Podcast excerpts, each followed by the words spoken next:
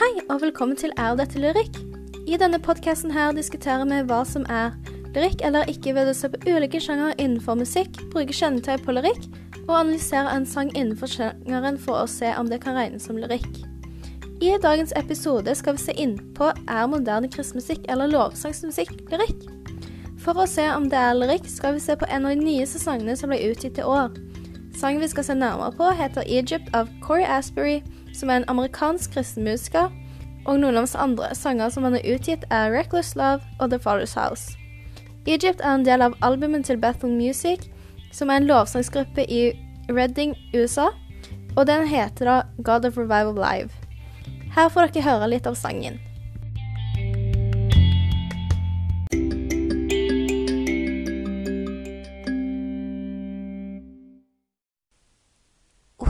Den der sangen var spennende. Men før vi analyserer sangen og diskuterer om det er lyrikk eller ei, eh, så har jeg fått med meg en gjest som skal fortelle om hva lyrikk er, og hva som kjennetegner lyrikk. Så velkommen til deg, Amalie. Jo, jo, takk. Så Amalie, hva er lyrikk sånn egentlig? Eh, lyrikk eh, det er et begrep som kommer fra det greske ordet lyra. Og det vil da si at eh, i antikken, ja, i Hellas, så ble dikt fremført til lyremusikk. Og i dag er det brukt om eh, sangtekster og om dikt som kan leses stille eller fremført uten tonefølge. Og som dere ser, så er det da to former for lyrikk. Du har sanglyrikk, som er da veldig populær i dag, med som dere har ulike sjangere, som pop og jazz og rock og country, ja, litt for hvert. Og så har vi da boklyrikk, som har da hatt en lang tradisjon for oss mennesker. Vi har skrevet dikt eh, siden langt, langt tilbake, så vi ser helt til antikken, og kanskje til og med før det. Blir skrevet på tavler, og det blitt skrevet på papir. Ja. Eh, takk for forklaringen, eh, Amalie. Um, så hvis du ikke har noe imot det, eh, kunne du bare fortelle litt om kjennetegna på lyrikk? Bare sånn at de som hører på podkasten, får litt oppfriskning på hva det er. Ja, jeg kan vel det. Kjennetegn på lyrikk, ja. Jo, det et av kjennetegnene på lyrikk er at det, det, er korte tekster som har konsentrert betydning. Det vil da si at de lyriske tekstene de er nokså korte. Og for å få fram budskapet fordi det er så kort, så må dere bruke konsentrert bruk av språklige virkemidler. Eh, for eksempel humor, eller sammenligning, eller metaforer og symboler, og ja, litt av hvert. Um, og dette her da Altså, de som skriver sangen, eller dikter disse lyriske tekstene, uh, kan gjerne bruke disse språklige virkemidler for å skape noe uventede og nyskapede bilder som får kanskje oss til å se ting i et helt annet lys. For det vel noe av det kjente som eh, vi tror vi tenker er slik, men som kanskje kan bli sett inn på et annet perspektiv, rett og. Så har vi altså det, kanskje det som er det viktigste kjennetegnet for lyrikk, som er musikalske virkemidler. Det, det blir brukt av rim og rytme, og som ofte så det, finner man det i sanglyrikken. Men det finnes også i boklyrikk, og liksom det blir en del av opplevelsen når du leser lyrikk, fordi det har liksom en Det blir satt uh, rytme og rim i ord- og verslinjer, så blir det liksom en helt annen opplevelse når du leser en vanlig bok som en Ja, som krimbøker, eller hva enn du leser. Og så har vi da andre kjennetegnet, som er da grafisk oppsett og oppbygning. Som da vil si at de lyriske tekstene blir da delt i avsnitt. Og når disse avsnittene får eh, et fast rim og rytmemønster, så blir de kalt for strofer. Og strofer de er veldig vanlige i sangleritt, og det er rett og slett fordi det er lettere å synge teksten til den melodien den er satt til. Eh, mens i boklyrikk så finner man som regel avsnitt i ulike lengder, og som har ikke enderim eller noe fast rytme. Jo, altså um, Det siste kjennetegnet som jeg i hvert fall kan komme på, er stemmen i den lyriske teksten. Og som regel så finner man en slags jeg-form i disse tekstene som formidler sin opplevelse av uh, verden. Og altså en slags lyrisk jeg, som de kaller det. Og eh, det er slik at det, det liksom Når de bruker denne her formen, så blir det et slags personlig preg på uh, de lyriske tekstene, og de blir da kalt for personlige tekster. Men så har du også lyrikk som ikke er brukt den lyriske jeg, eller så da kalles for allmenne tekster.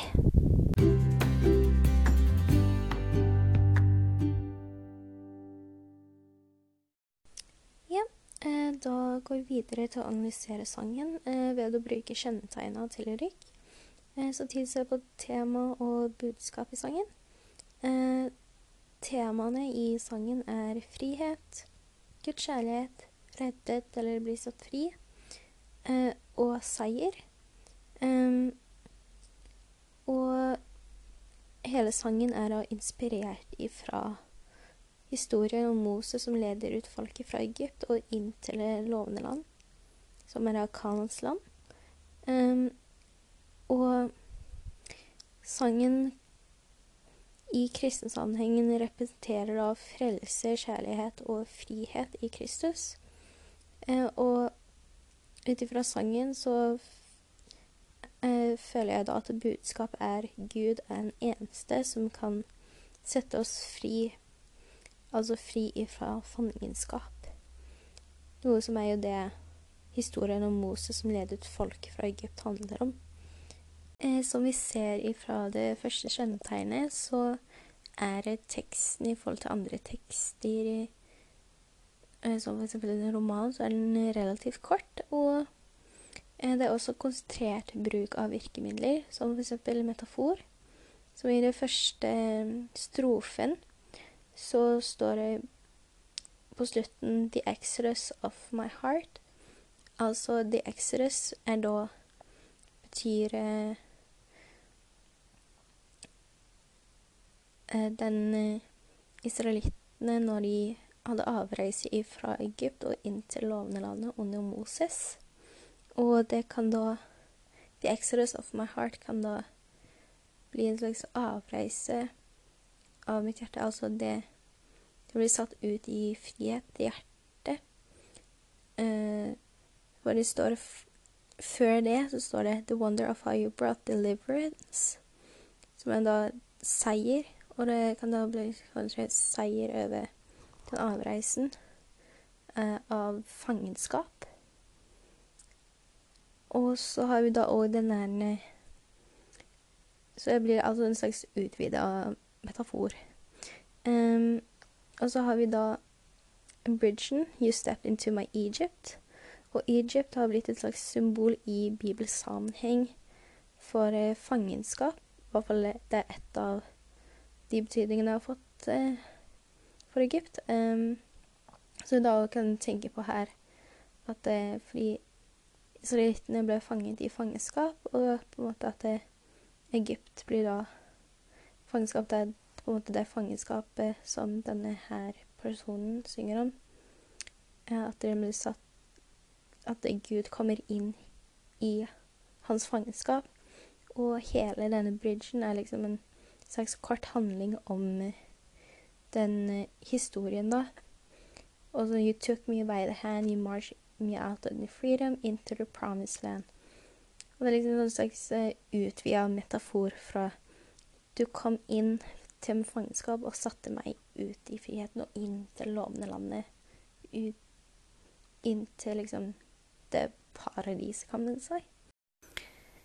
Et annet virkemiddel som er blitt brukt, er gjentakelse av ord og vers. Eh, og et ord som er blitt gjentatt ganske mye, er you. Og på norsk så er det du, eh, som da forsterker eh, at eh, det refererer til Gud som du. Eh, som her står det i You found me, you freed me. You're the God of fights for me. You have torn apart the sea. You have led me through deep.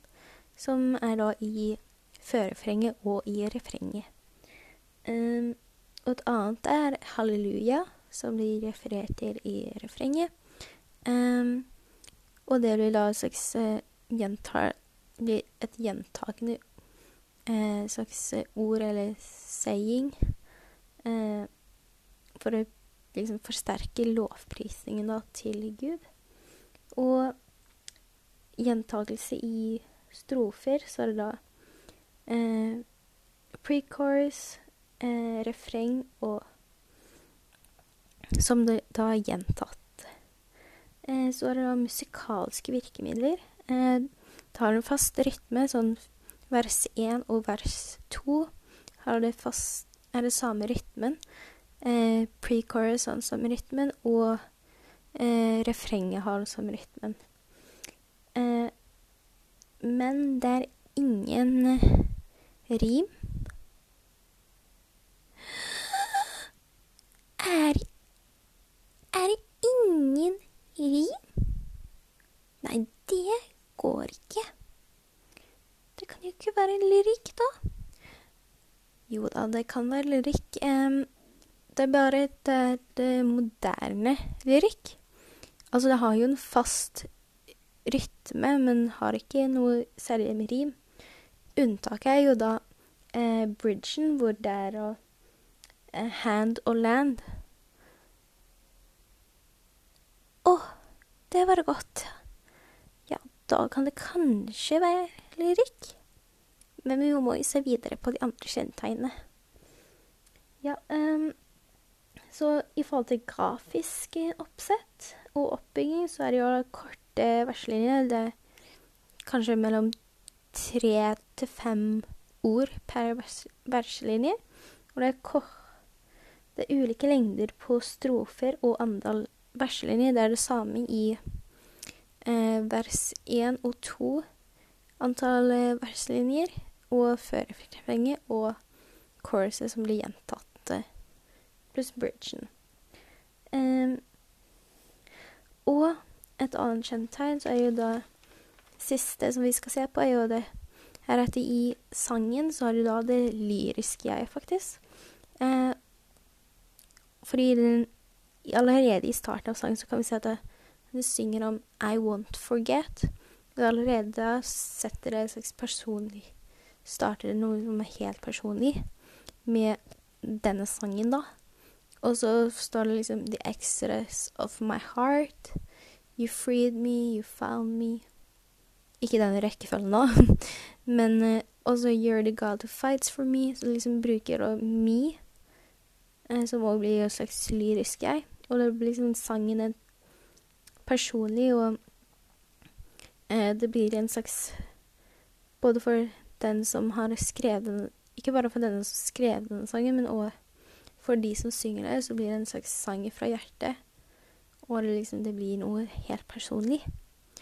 Så ved å se på disse ulike kjennetegnene, så kan vi vel konkludere med at det, det er lyrikk. Kan vi ikke det, Amalie? Jo, vi kan vel det.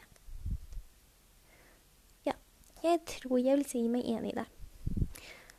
Ja, men Og det kan vi jo se, det har jo liksom Språklige virkemidler, det har jo fast rytme, det har kanskje ikke rim. Men den har eh,